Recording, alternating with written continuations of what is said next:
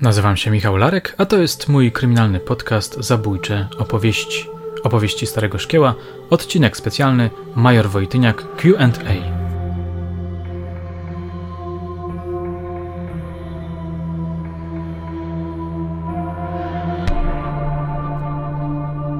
Moje drogie, moi drodzy, dzisiaj zapraszam Was do wysłuchania odcinka z serii QA z majorem Romanem Wojtyniakiem. Muszę przyznać, że jest to dla mnie postać szczególna. Dlaczego? Wspominałem już o tym wielokrotnie.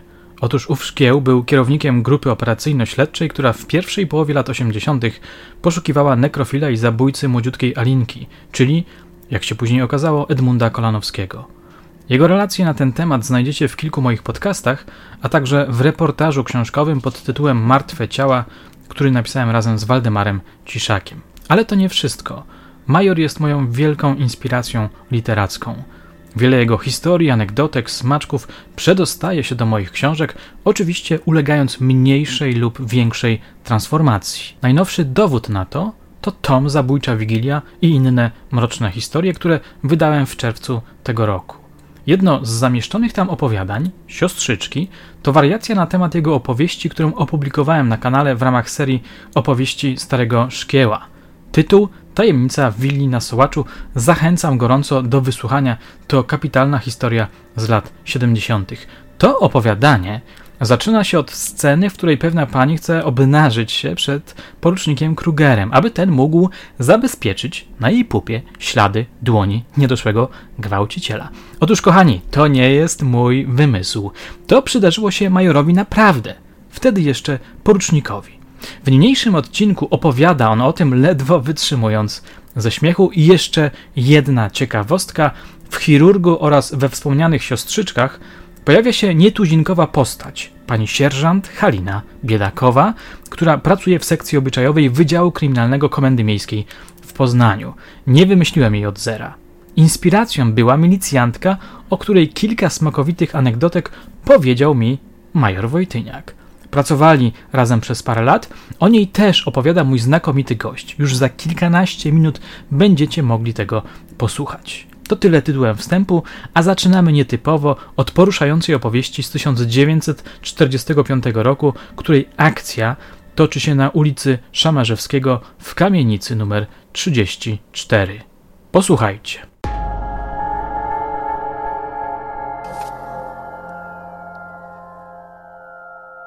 Okay, to zacznijmy od sprawy twojego.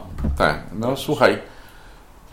Czyli co, jest 45? 45 Poznań, rok Szamarzewskiego, Szamarzewskiego Eichendorfstrasse, film Dreizig. Poznaniacy wiedzą, że, że front się zbliża, zresztą było słychać wyraźne kanonady od strony zachodniej, Rosjanie otoczyli Poznań i zablokowali ucieczkę Niemcom od strony zachodniej, a że e, Jeżyce są od strony, można powiedzieć, zachodniej, Dąbrowskiego od Berlina, od, nie wiem, czy nie nazywała się nawet Berlin, Strasse, w czasie wojny, dokładnie mi się nie, pamię nie pamiętam, ale chyba tak się nazywała. Stamtąd czołgi rosyjskie szły y, w kierunku Poznania. Moi rodzice i wszyscy y, mieszkańcy kamienicy przy Szamarzewskiego 34 y, pochowali się do piwnic w obawie o ewentualnym bombardowaniem czy, czy, czy zawalaniem się budynku różnie. Nawet piwnice były poprzebijane, żeby z jednej strony piwnicy uciekać na drugą stronę, z drugiej strony kamienicy, bo to takie, taka podkowa była y, z front z dużymi mieszkaniami z przodu i dwa, y, dwa skrzydła z lewej i z prawej strony. I mieszkańcy siedzieli w tych piwnicach. Blisko nas tam mieszkała Niemka. Felauka się nazywa, rodzice na nią mówi Felauka, tak, nie wiem jak dokładnie się po niemiecku nazywała, Felau albo Fellau. Ona była Baltendeutschką, e, ściągnęli ją Niemcy z tak zwanych Niemców bałtyckich, e, jak wyrzucali Polaków tu z Wielkopolski do generalnego gubernatorstwa, to na ich miejsce ściągali Niemców głównie właśnie Baltendeutsche, którzy w Estonii mieszkali, gdzieś Ryga, tu gdzieś w te tereny, tam dużo Niemców też mieszkało. I, I tu ściągnęli właśnie tą felałkę, w tym budynku mieszkała. Wiem tylko, że jej, o mężu nic nie wiem, że jej syn był SS, w jednostkach wojskowych i zginął na froncie wschodnim. Także ona sama mieszkała. No ludzie o niej źle nie mówili. Nie szkodziła Polakom i tak dalej. Także razem z Polakami siedziała w tej piwnicy i siedzą i w pewnym momencie szok. Do piwnicy wlatuje niemiecki żołnierz z karabinem, normalnie wycelowany do przodu. Tam jakieś funcki były, jakieś tam no, światła elektrycznego nie było w tych piwnicach, jakieś tam światełka, jakieś świeczki pewnie. I zaczyna płakać. No, ojciec mi opowiada, że zaczyna po niemiecku oczywiście, że on nie jest Niemcem, on jest Austriakiem, jego na siłę wzięli do wojska niemieckiego, on nikomu krzywdy nie zrobił, on nikogo nie zabił. Tak po niemiecku cały czas mówi, że on chce e, przeżyć wojnę, nie chce zginąć, bo on ma, on jest z Wiednia, on ma w Wiedniu rodzinę, ma żonę i troje dzieci. Do dziś pamiętam to, mi ojciec wszystko opowiadał. I chce tą wojnę przeżyć i cały czas e, płacze, a ten karabin do przodu ma skierowany. Jakiś szeregowiec. Ojciec yy, rozmawia z nim po niemiecku i mówi do tej felałki, co, wierzymy mu? Pomożemy mu? Ona chyba, chyba za, zaakceptowała tą propozycję mojego ojca. To ojciec mówi do niej, leć do góry, do swojego mieszkania i przynieś jakieś e, rzeczy po swoim synu, który zginął na tym froncie wschodnim. Przebierzemy go tutaj, niech siedzi z nami. Ta poleciała, przyniosła rzeczywiście jakieś rzeczy tak, że jakoś mu tam pasowały, a cały czas mu podobno ten Niemiec, no Niemiec w końcu się okazał, że Austriak z Wiednia, z karabinem, ojciec mówi, słuchaj, chcesz być z nami? Dawaj karabin, nie? Oddał ten karabin w końcu, ojciec go gdzieś tam schował, pod, gdzieś tam tego, no, przebrali go, ten mundur jego gdzieś tam schowali, i siedział z nimi jako cywil. I nie wiem, jak to długo było. Już nie pamiętam, czy go tylko godziny, czy może dzień, czy dwa. Nie pamiętam, jak to długo było. Ale jak już Rosjanie dojechali, bo z armat walili na Szamarskiego równo, cały budynek został spalony, róg Szamarzewskiego i Wawrzyniaka, gdzie dzisiejszy jest akademik. Tam był piękny budynek. Potem kilku Niemców z pancerfaustami tam stało ale pewnie albo się dowiedzieli, albo zauważyli i gdzieś z rogu Szamarzewskiego i Polnej, jak dali tam, wiesz, tego, że ten, Niemców tam nic nie było i ten budynek cały zaczął się palić i no już się potem rozbiegli, potem już piechota przyszła i rozbiegli się i Germańców szukali. Po, po, czy są Germańcy, po, po kamienicach latali, czy są Germańcy. A wiesz, co to było hasło Germańcy? No owszem, żołnierze tam, czy ludzie cywilni, ale to było hasło kradzieży. No, kradli jak, jak pies żołnierze rosyjscy. W mieszkaniu u rodziców to szufladki otwierali, a ojciec mówi, tu Germańca szukasz? no, ale już potem, bo pierwotne to była tragedia. Ojciec mówi, że prawdopodobnie ktoś yy, tym żołnierzom rosyjskim powiedział, że taka sytuacja, że ten żołnierz niemiecki w oficynie lewej razem tam z Wojtyniakiem i tam Felałką siedzi. Prawdopodobnie to był mieszkający w, w oficynie od ulicy taki, o ile pamiętam, ojciec mówił Kinshuber o nim. Niemieckie nazwisko, ale to był Polak, który w czasie wojny totalnie współpracował z Niemcami. A jak Rosjanie przyszli, to wiesz, czerwoną chorągiewką wyszedł i, i chciał się im przypodobać i, i że żołnierz niemiecki siedzi w piwnicy, wiesz. I od niego to było. Także podobno do tej piwnicy wle, wleciał jakiś żołnierz rosyjski, jeden czy drugi. Złapali tego, tego, tego Austriaka, wyciągnęli go jakoś na podwórko i tą Niemkę też, felałkę, za, za tego, wyciągnęli ją na podwórko, słuchaj. Ludzie już powoli wychodzili, bo już przestali się trochę bać, a cały czas się bali. Mój brat był w oknie, ten maluśki brat, ośmioletni, i to widział. Tą felałkę ten żołnierz rosyjski, ci mówię, wyciągnął. Taki śmietnik był na środku podwórza. Pod ten śmietnik i szpepeszy ją normalnie, trach, trach i zaszczelił wiesz, psa. Ta leży, krew się leje. Ten mój braciszek, jak to zobaczył, to no, w szok wpadł. No, mama mówi, że dostał gorączkę, w szok wpadł, nerwy i tego. Ojciec, jak to zobaczył, tego tego Austriaka gdzieś nie zaszczelili na podwórku, gdzieś go wyprowadzili na ulicę, także nie wiadomo, co się z nim stało. A ojciec, jak widział tą, że felałkę zaszczeli i podobno się rozglądali za ojcem, to szybko po schodach uciekł na, na dach, przeskoczył na sąsiednią kamienicę, przykucnął za jakimś kominem i tam chyba dwie albo trzy godziny siedział. Mówi, nie ruszałem się nic. No się bałem, nie? Się bałem, że, że, że mnie. Jak sprawa się już trochę rozeszła, jak jacyś oficerowie rosyjscy jeszcze przyszli na podwórko, no, żeby wstrzymać kradzieże generalnie, bo kradli jak cholera ci, ci czerwonoarmiści. Potem zszedł, potem yy, sytuacja się jakoś rozwinęła. Jeszcze dzień czy dwa siedzieli, tam nikt nie wychodził na ulicę, bo jeszcze strzelanina była, nie? I ojciec po jakimś czasie, jak już tą felałkę, nie wiem, zabrali czy nie zabrali, jak już się uspokoił, że samemu mu nic nie grozi, jak wyszedł na ulicę, on mi opowiadał tylko, że chyba już tego nie widział, że róg Polny i Szabarzewskiego ktoś był opowiadał, że leżał zabity cywil niemiecki. Cywil niemiecki. Pewnie już go też zabrano. I ojciec skojarzył, że to być może ten żołnierz, który z nimi siedział, ale nie wie na pewno. I ja z dzisiejszego punktu widzenia tak się zastanawiałem.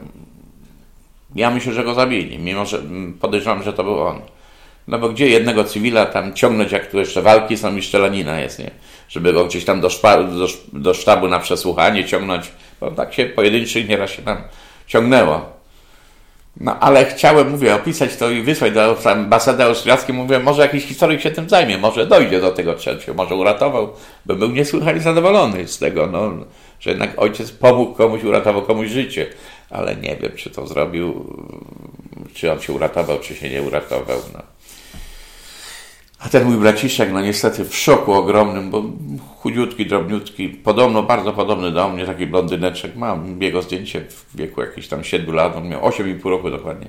Parę dni leżał w łóżku z ogromną gorączką, dostał zapalenie płuc do tego czy coś. No, lekarzy nie było nic, nie, lekarstw żadnych nie było, no i umarł.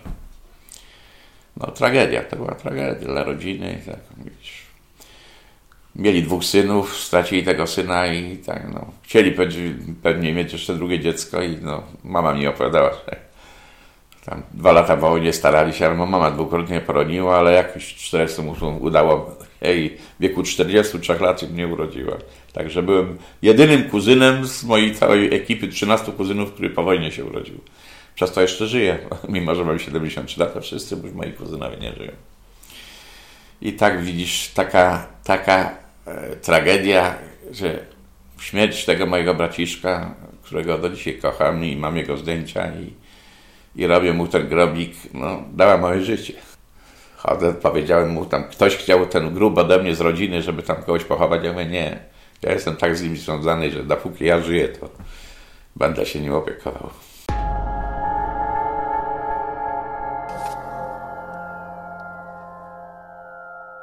Muszę przyznać, że ta opowieść zrobiła na mnie duże wrażenie.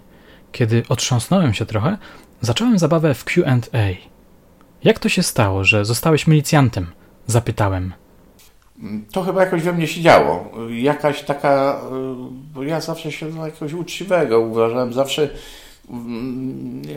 nigdy nie mogą się widzieć, że ktoś wydziwić, że ktoś komuś krzywdę może zrobić, że kogoś pobić, zabić, już nie mówię o zabić, ale no jakiś tam, wiesz, i tak y, tam wokół mnie tam jacyś ludzie pracowali. Nie wiem, czy to w milicji, czy, czy, czy, czy nawet w SB to było. Tak. Nawet mój chrzestny chyba. Nie wiem, czy on tam, on nie, on był jakimś tam, pracował na Kochanowskiego, ale on był jakimś palaczem, czy kimś tam, taki, ale to nie skrewny, taki sąsiad został moim tam, Stefan Łysy się nazywał, pamiętam. Było to we mnie zakodowane jakoś pomagać ludziom, pomagać w tym zakresie, że po prostu przeciwdziałać przestępczości. No i już widziałeś, ja tuż po maturze w 1967 roku byłem już w kadrach i próbowałem się zatrudnić w policji, w milicji wtedy.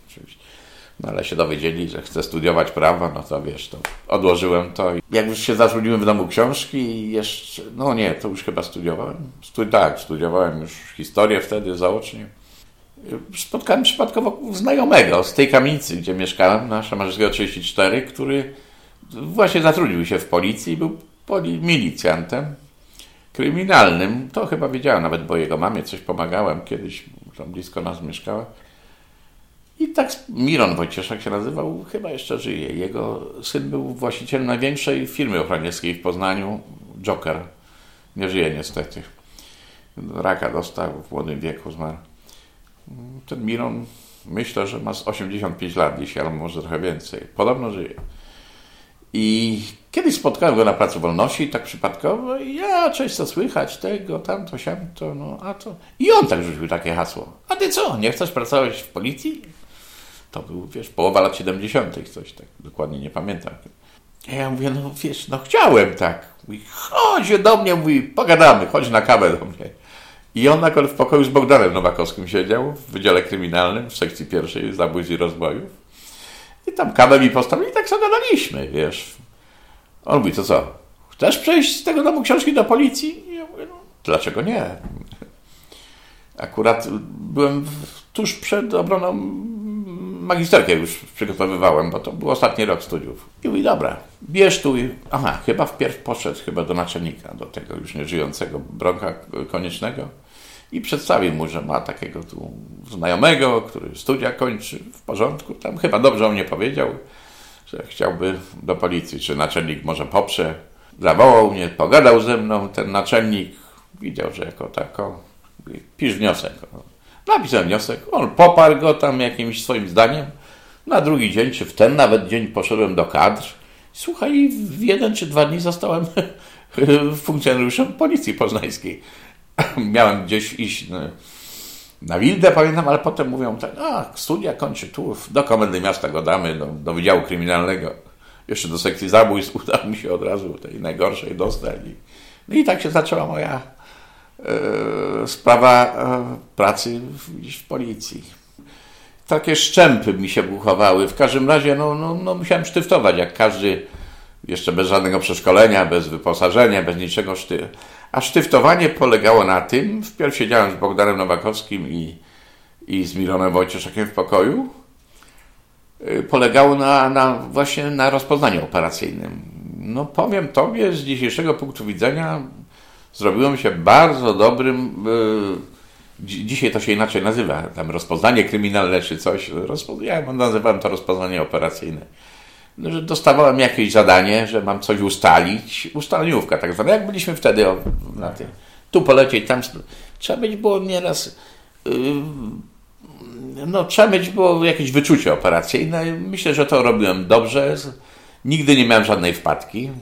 Z reguły to dosyć dobrze byłem bardzo chwalony przez starych funkcjonariuszy. No, do dzisiaj pamiętam taki cygan, na niego cygan mówi, kudlaty, Wojciechowski jak mnie chwalił, mówi, tego wyślę, to dwa zdania napiszę, nic tam nie ustali, a ty idziesz, mówi, cztery czy cztery strony, a cztery napiszesz i mam wszystko ustalone, mówi. No, chwalili mnie, że coraz byłem lepszy i, i tak głównie, wiesz, ustaleniówkę, ustaleniówkę robiłem. Przy drobnych sprawach oczywiście zacząłem też współpracować, z reguły nie sam na początku, tylko gdzieś z jakimś innym pracownikiem. Zapytałem również o pierwsze drobne sprawy. Major odpowiedział, że było ich masę i że nie pamięta ich w całości. Ja nawet już dzisiaj nie, nie przypominam sobie, co to były za sprawy, ale na przykład jakieś zasadzki, często były na różnych zasadzkach, z jakimiś bandziorami, no w sytuacjach bardzo niebezpiecznych. Sytuacje to były, ja byłem jeszcze bez przeszkolenia, bez wyposażenia, bez broni, bez gazu, a mnie wysyłano na takie e, zabezpieczenia, słuchaj, że ktoś z takimi nożami gdzieś pojawiał się albo coś to ja prywatny bag, bagnecik brałem ci na takie, e, takie jakieś imprezy. Taki jakiś zboczeniec biegał na, na, na Dębinie. To było jeszcze ta dru, druga połowa lat 70. No, no, napadał tam, nie wiem czy to był homoseksualista, czy na dziewczynki, czy na chłopców napadał, chyba na chłopców. I mocno się na nie oczailiśmy i w końcu udało nam się go złapać i powiem, to bardzo blisko mnie było policjanci z takiego patrolu y, samochodowego y, gdzieś go zauważyli, podjechali blisko niego i on chciał uciec przed nimi, rzucił się do warty. Rzucił się do warty, ale że chciał pewnie przepłynąć wartę, ale się wystraszył w pewnym momencie, że nie da rady i wrócił się. I oni go próbowali obezwładnić. Wyjął nóż i powiem ci, zamachnął się na jednego z policjantów, żeby tak ręką się nie zasłonił, może by w pierś dostał. Tak go tu gdzieś w tym miejscu. Drugi się rzucił, go tam obezwładnili. Powiem tobie, że za próbę ataku fizycznego na policjanta i skaleczenie dostał baty. Dostał baty. No, wiesz, o tym się nie mówi, ale nieraz takich bandziorów, takich gorszych, no, dostało im się, bo, no, bo no, nieraz ludziom nerwy puszczały, po prostu nerwy puszczały, żeby odreagować. A pamiętam, że już całej sprawy dokładnie nie pamiętam, ale yy, potem go wysłano do jakiejś lecznicy psychiatrycznej, żeby go psychi psychiatrycznie przebadać. Ja tego nie prowadziłem, ale pamiętam. I uciekł stamtąd. I uciekł stamtąd. Ale mieliśmy jakieś układy, wiesz, w środowisku przestępczym i dostaliśmy informację, że jest w Poznaniu z powrotem, siedzi na ławce przed Merkurym. Słuchaj, Krzychu Krzyżański, późniejszy PO komendanta wojewódzkiego, jeszcze ktoś, miał jakiegoś trabanta, no wiesz, prywatnymi samochodami jeździli chłopaki, bo to, wiesz, no, nie było cały czasu czekać za jakimś radiowozem i tak dalej. Podjechali pod tego, pod tego Merkurego i złapali go. Złapali go, dostał jakąś, niezły wyrok dostał, wiem, że nie, niezły wyrok. Dalej nie pamiętam tej sprawy, bo ja tego nie prowadziłem. Kolejne pytania podesłała Rosalia, której dziękujemy serdecznie. Słuchaczka zapytała o najtrudniejszą sprawę. Odpowiedź była do przewidzenia. Taką sprawą była oczywiście sprawa o kryptonimie Nekrofil, czyli sprawa Edmunda Kolanowskiego. Dużo już o niej mówiliśmy, więc postanowiłem przejść do kolejnego pytania – czy trafiła się kiedyś sprawa, która od początku wydała się abstrakcyjna i wręcz nierealna?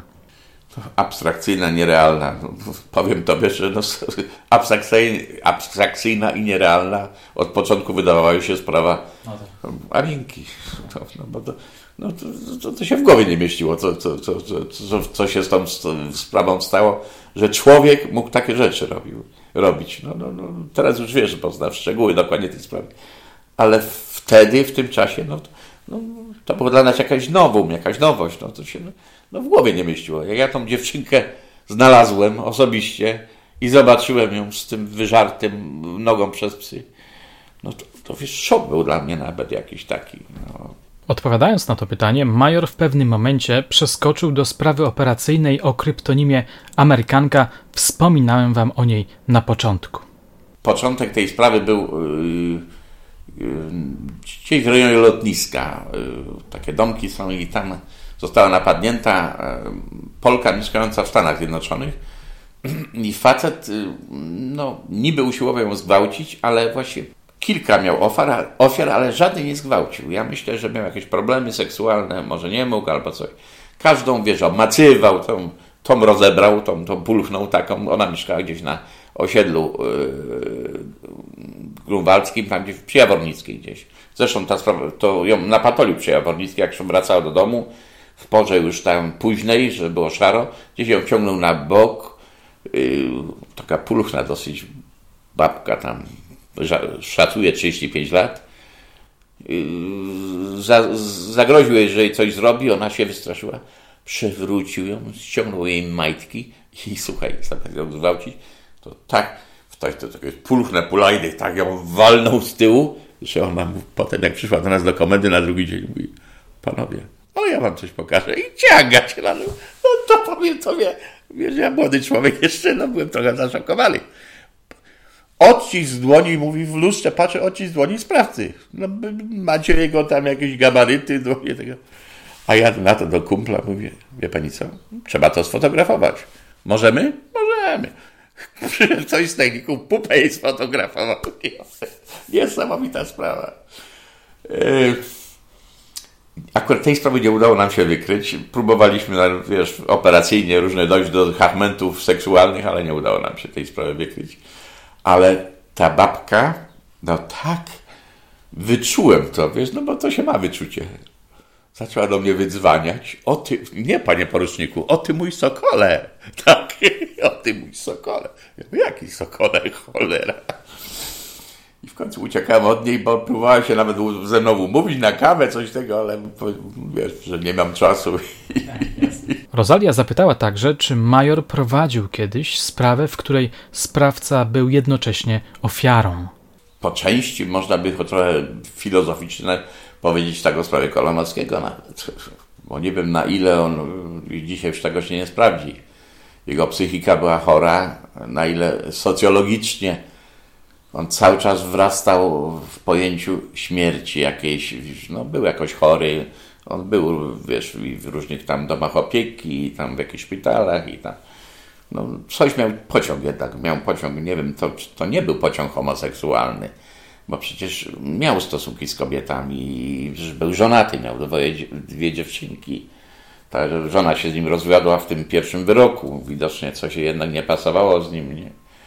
Ale, no, no, ale według mnie jakieś... Ojciec był przemocowcem, może to też było ważne. Być może, w każdym razie no, zmarł mu tam czy, czy, ktoś w młodym wieku, nie wiem czy to była siostra brat. czy brat. I z tą matką on co dwa dni był na, na cmentarzu podobno. On się wychowywał na tym cmentarzu miłostowskim. Ja myślę, że on wrósł ten cmentarz.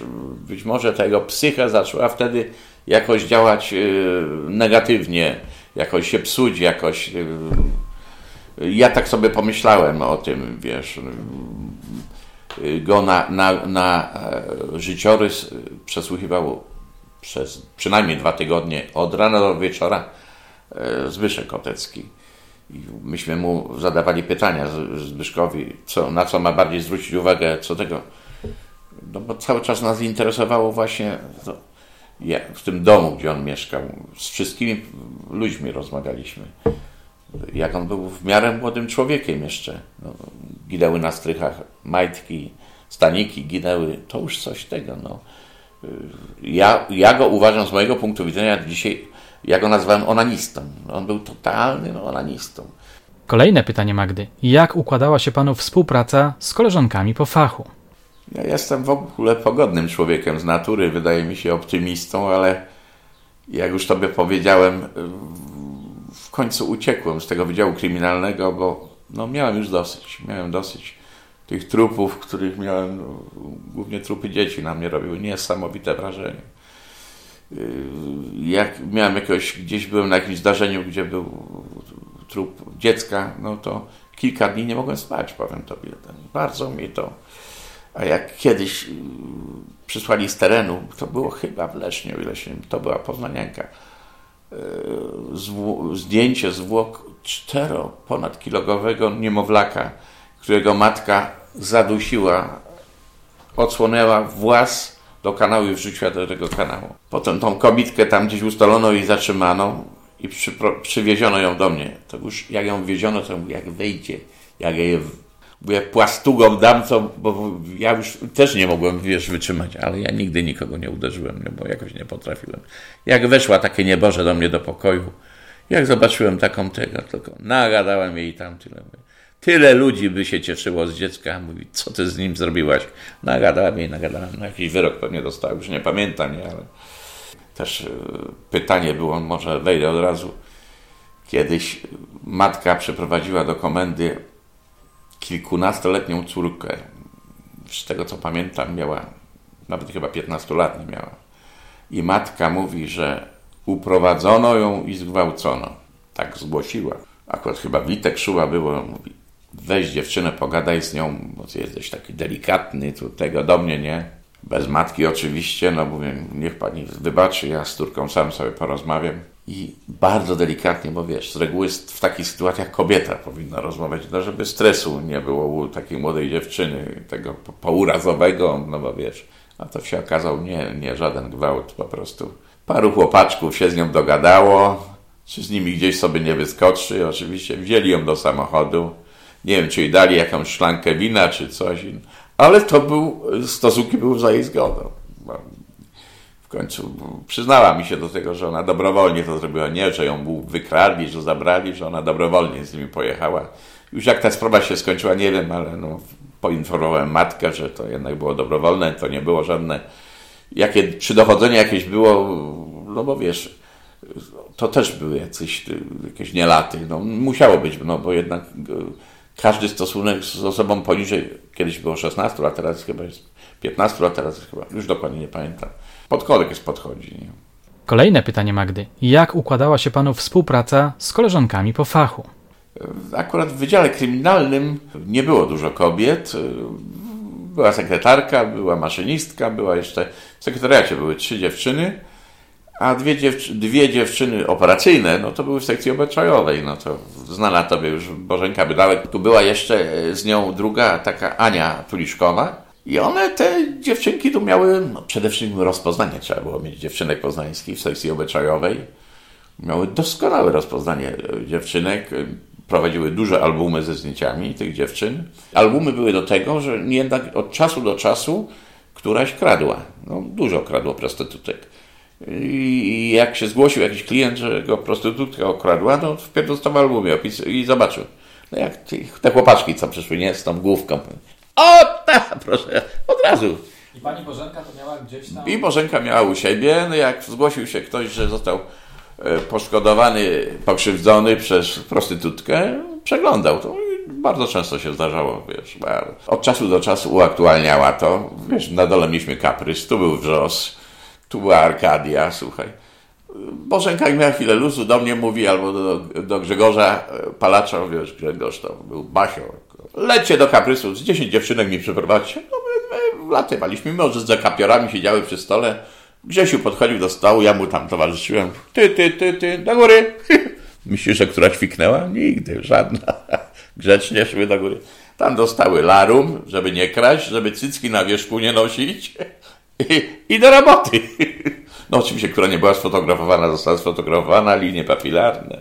W każdym razie ciekawostkę tobie powiem. E, w pewnym momencie Bożenka do mnie przylatuje Y, bo w okresie targowym, międzynarodowych targów poznańskich, do Poznania zjeżdżało mnóstwo pań, powiem Ci, bardzo eleganckich, które przyjeżdżały na dorobek y, z innych miast robić konkurencję poznańskim dziewczynkom. Prosto te dziewczyny z dworca kolejowego, bo wtedy samochodów tak też nie było, zgłaszały się do komendy, bo one wiedziały, że mają się zgłosić. One wiedziały.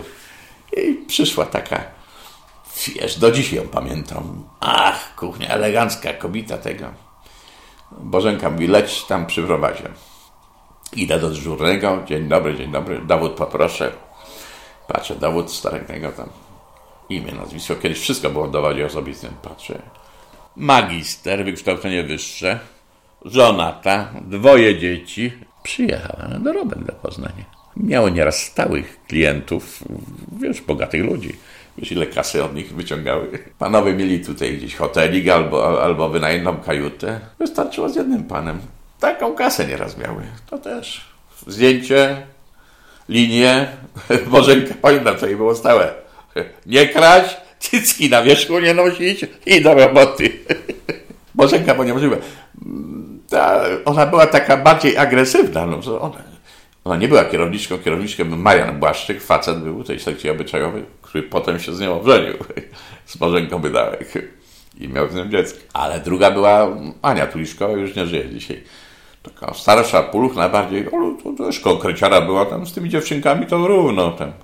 Dziewczynki się ich, no, bały się bardzo, poznańskie dziewczynki. A rozpoznanie było dobre, bardzo dobre. Czy pamięta pan, jak mieszkańcy Poznania zareagowali na wieść o tym, że w ich mieście ujęto człowieka podejrzanego o zabójstwo i bezczeszczenie zwłok. Oto następne pytanie. Czy ja pamiętam? Tam za bardzo nie miałem czasu czytać gazet wtedy, bo in, inna praca była. Ale psychoza, pamiętam w tym czasie, w psychoza, ten w Naramowicach, tam gdzie ona mieszkała, e, jak rozpoznawaliśmy, to była robota okropna.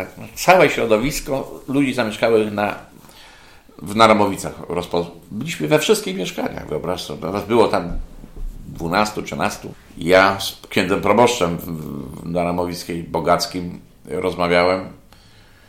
To ten ksiądz do dzisiaj pamiętam. Bardzo sympatyczny, też już nie żyjący. Panie poruczniku, róbcie coś. Ludzie na re... Dzieci na religię nie chodzą. Psychoza jest taka, gdzie ludzie się boją wypuszczać y, dzieci z domu po południu. Ludzie się bali wypuszczać dzieci z domu po południu. Dopóki sprawa nie wyszła, dopóki w tym kolejnym roku, w tym połowie maja, mniej więcej w drugiej połowie maja go nie namierzyliśmy i zatrzymaliśmy. Także psychoza była duża. No, co tam gazety dokładnie pisały, to już dokładnie ci nie pamiętam, ale na Ramoisach psychoza była bardzo duża. Ludzie się bali, dzieci nie wypuszczali popołudniami z domu, dopóki sprawa się nie, nie wyszła, dopóki gazety nie napisały, że został namierzony i zatrzymany, oj, to pilnowanie było dzieci bardzo, bardzo. Prawdziwy mężczyzna podobno nie wstydzi się łez. Czy zdarzyła się w pańskiej karierze sytuacja, kiedy emocje ścisnęły od środka? Zagadnęła Magda, naszego gościa. To nieraz pewnie dzisiaj mi się to zdarza, może wtedy nie było czasu na takie emocje, ale jak to by mówiłem, yy, no, zwłoki dzieci na mnie robiły niesamowite wrażenie, bo cały czas mówię, takie życie przed tym dzieckiem jeszcze, a to już nie żyje. I bardzo na mnie to psychicznie dołowało mnie strasznie. I to była jedna z przyczyn, że ja potem po sprawie Kolonowskiej odszedłem z Wydziału Kryminalnego. No bo no, poczułem się trochę wypalony. No, psychę miałem delikatną jednak. Już stwierdziłem, nie wiem, czy miałem dobre psychę, bo jednak oficer kryminalny powinien być trochę zakapiorem, trochę tam i umieć przypierdolić, i umieć pogadać, jak to się mówi. A ja nie, ja za delikatny byłem. Ja zawsze byłem ten policjant dobry, który dwie, trzy godziny rozmawiał z przestępcą, starał się yy, go pokazać mu, że najlepsza droga jest droga przyznania, na tym może dobrze wyjść i tak dalej. Z przestępcami pierwsz, pierwszorazowymi udawało to się nieraz robić, ale z, z recydywistami w życiu. To recydywista patrzył na ciebie i mówi, gadaj mi tam w dupę, jak to się mówi. No i do dzisiaj to przypomnę tobie, że Kiedyś znaleźliśmy pod płotem cmentarza na Junikowie człowieka z raną brzucha, który praktycznie już nie żył. Był taki blady, że pół krwi stracił. Wzięli go do szpitala, tam go postrzywali, dali mu krew i on jakoś wyżył. Wiesz. Jak doszedł do siebie, my z nim rozmawiamy z tym człowiekiem, a sprawdziliśmy, że oczywiście notowany, człowiek ze środowiska przestępczego i wiesz, no nie jedno już miał na swoim koncie. I jak próbowaliśmy, no, no chyba widział, kto go walnął nożem w brzuch, nie? Jak go próbowaliśmy yy, namówić do zeznań, facet nie, bo za kapior był nawet karany chyba był. Mówi, proszę, on do nas wyraźnie powiedział, proszę pana, ja panu nic nie powiem. Ja to sobie sam załatwię. Tak powiedział. No. I, od, I koniec i kropka pomimo wielokrotnych nagabywań, nic nie powiedział. A czy sobie sam to załatwił, to ja już nie pamiętam, bo już, wiesz, do lata szły. Jak widzicie, Major czasami rozkręca się narracyjnie, przechodzi do kolejnych historii, zapominając o punkcie wyjścia.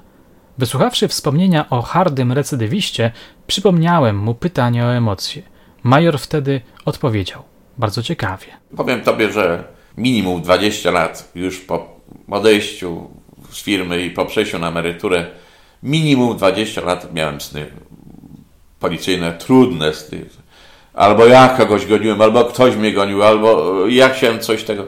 Budziłem się spocony, zmęczony. Z 20 lat takie, takie sny miałem. To się działo w człowieku. Się działo. Teraz już te sny uciekły mi i dobrze, bo, bo męczyły takie sny. Strasznie męczyły. Na prośbę internauty o dziwnym niku zadałem pytanie o zarobki w milicji no, powiem Ci na moim przykładzie. Ja kilka lat pracowałem w domu książki i moja cała pensja, ja byłem wtedy jakimś instruktorem literatury społeczno-politycznej w Wydziale Księgarskim i cała moja pensja łącznie z jakimś, pamiętam, to był 60, no, po, początek lat 70 Y, cała moja pensja, y, łącznie z tak zwaną premią kwartalną, brutto wynosiła 3100 zł, pamiętam w tym czasie. A jak przeszedłem do policji, do milicji w tym, to był 76, to był piąty albo szósty na przełomie, już dokładnie nie pamiętam. Yy, zaproponowano mi pensję, słuchaj, tu 300 z premią kwartalną, a tu mi zaproponowano 4950. Zobacz, jaki skok był. Dla mnie to, kurczę, zadowolony byłem diabli. Być może te, te pensje policyjne, milicyjne były nieco większe od średniej jakiejś tam. Choć yy, patrząc na naszą robotę i, i zaangażowanie i powiem Ci, że no, no, narażanie niesamowite. Paru chłopaków miało problemy zdrowotne. No. Żaden nie zginął z moich kolegów, ale i pobici zostali. Jeden jak dostał pękiem kluczy, to pamiętam, całą skórę miał tu rozciętą, też już nieżyjący. Gomulski, jak się nazywał. No, ja po piwnicach kiedyś łaziłem, po bunkrach gdzieś łaziłem, gdzieś do dziś jak sobie przypominam to, to nigdy nie wiedziałem, z której strony bym w łeb mógł dostać. Bez latarek. Tego wyposażenia kiedyś nic nie było w policji. To jak funckę człowiek miał prywatną albo coś, wiesz. No, wyposażenie policyjne było zawsze, podobno do dzisiaj jest kiepskie. Słyszałem, jak rozmawiam z jakimiś policjantami, to mówią.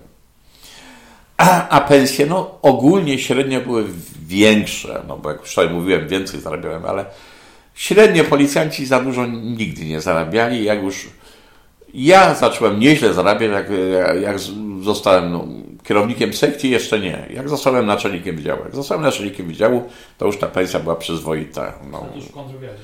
To już w kontrwywiadzie w Urzędzie Ochrony Państwa. Bo w kontrwywiadzie byłem tylko kierownikiem sekcji, a w Urzędzie Ochrony Państwa naczelnikiem wydziału zostałem właściwie szefem właściwie wojewódzkim w Gorzowie Wielkopolskim, tak zwany, to był Wydział Zamiejscowy Delegatury Urzędu Ochrony Państwa w Poznaniu. No nagród trochę tam było, nie za dużo. Za sprawę Kolanowskiego dostałem nagrodę ministra, sprawę wręcznych, powiem Tobie. Ile ona wynosiła, dokładnie nie pamiętam, ale znajdowałem się na trzeciej liście nagrodowej, bo na pierwszej byli naczelnicy, komendanci i, tak dalej. Ja byłem jako kierownik grupy operacyjno-dochodzeniowej na drugiej albo na trzeciej liście, suma była taka, że starczyło mi na porządną wódkę dla chłopaków z sekcji i nic więcej. Było nas kilkunastu jednak, no wiesz.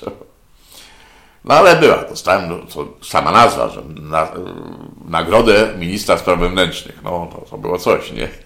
Tak. Co ci dawało satysfakcję z roboty śledczego? Największą? jak to powiedziałem, że ta moja droga początkowa w każdym razie była, no, no, no, nie lubiłem, jak ktoś komuś krzywdę robił nigdy. Ja nigdy nikogo nie pobiłem, nie, no, tam w szkole może raz się po tego, ale tak, no jakoś, no, nie, nie, nie zdawałem sobie sprawy, że można komuś krzywdę zrobić, że można określić kogoś, już nie mówię zabić, nie no. A dzisiaj widzę z tego punktu widzenia, co się dzieje, kurczę, jeszcze gorzej niż było chyba. No zobacz, no nie ma, nie ma e, tygodnia, żeby tam tu chłopca uprowadził na Śląsku, zabił go. Jakie padalce znowu rodzą się, zobacz, jakie, jakie. Psyche jest tam mocno naczapnięte. Ten, co tego chłopca zabił, no to słyszałeś, nie? W 16, 11-letniego. I to, i to był, to był ten? Nie. To drugi przypadek, gdzieś na Pomorzu, co jeszcze jako młody e, udusił 14-letnią i, i dwa lata siedział w poprawczaku, no co wyobrażasz.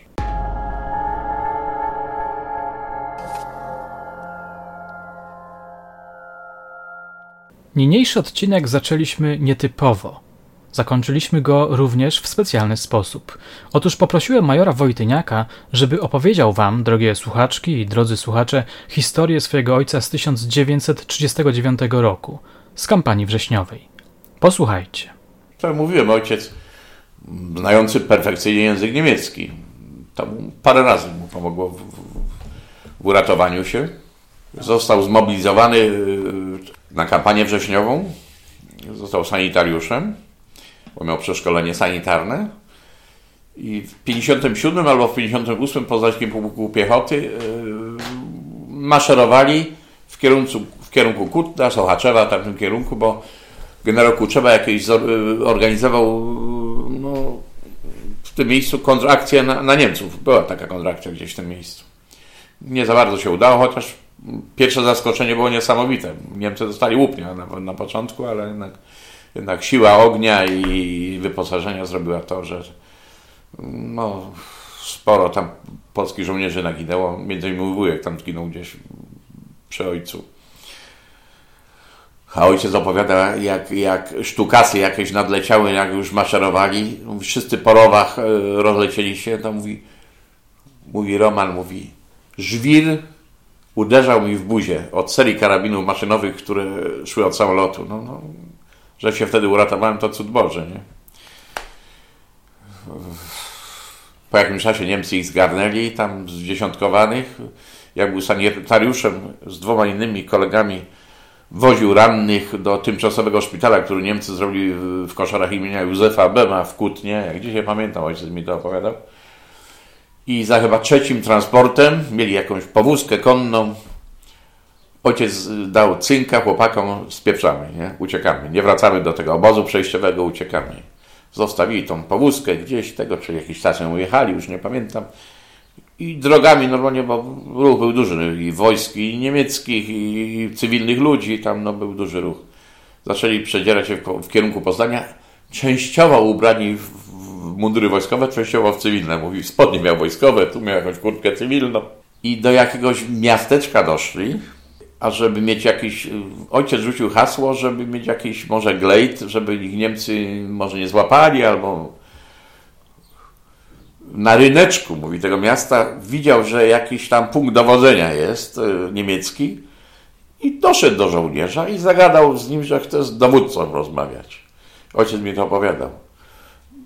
Niemiec, widząc, że po niemiecku mówi, nawet nie wiedział może, czy to Polak, czy zaprowadził do, do jakiegoś majora i ojciec mówi, opowiada, mówi, a do mnie Roman mówi, a w kieszeni od spodni miałem granat. Bo jakby się źle działo, by chcieli mnie zabić, no to po co mam iść sam do nieba, nie? To może by jeszcze ktoś ze mną poszedł, mówi.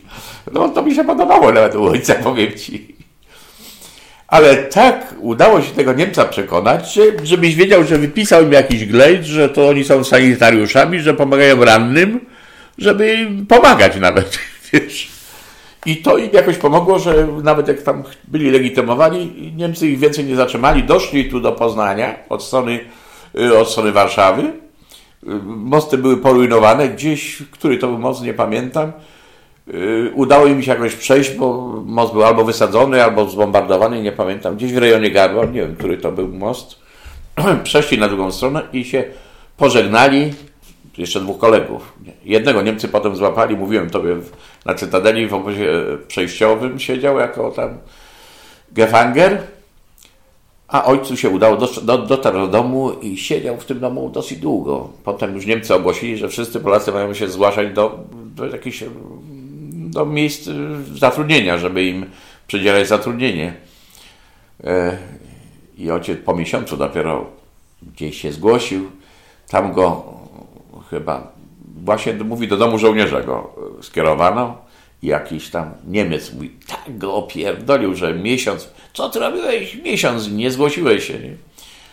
Ojciec opowiada po niemiecku, perfekt, że no był chory i tego, i tamto, i siamto. I dostał jakąś karę finansową, mu przydzielił karę finansową i dostał zlecenie pracy yy, właśnie w tym Landwirtschaft, centrala Genossenschaft na Gąsiorowskiej, gdzie naprawiano niemieckie samochody i zniszczone w czasie działań wojennych i tak dalej. I tam ojciec sobie wymyślił taką e, metodę pomagania rodzinie, nie?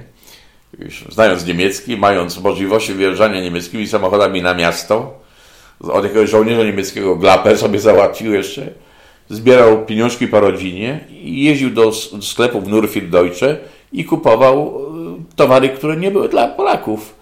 I tak zaopatrywał rodzinę i tak im pomagał, słuchaj, no. Była to bardzo ryzykowna sprawa. Jakby go złapali Niemcy, to tam ci mówię, żabikowo albo Oświęcim stuprocentowy. Udało mu się, nigdy go nie złapali i tak dociągnął do końca wojny, a wiesz, wojna skończyła się tragicznie przez tą sytuację mojego brata i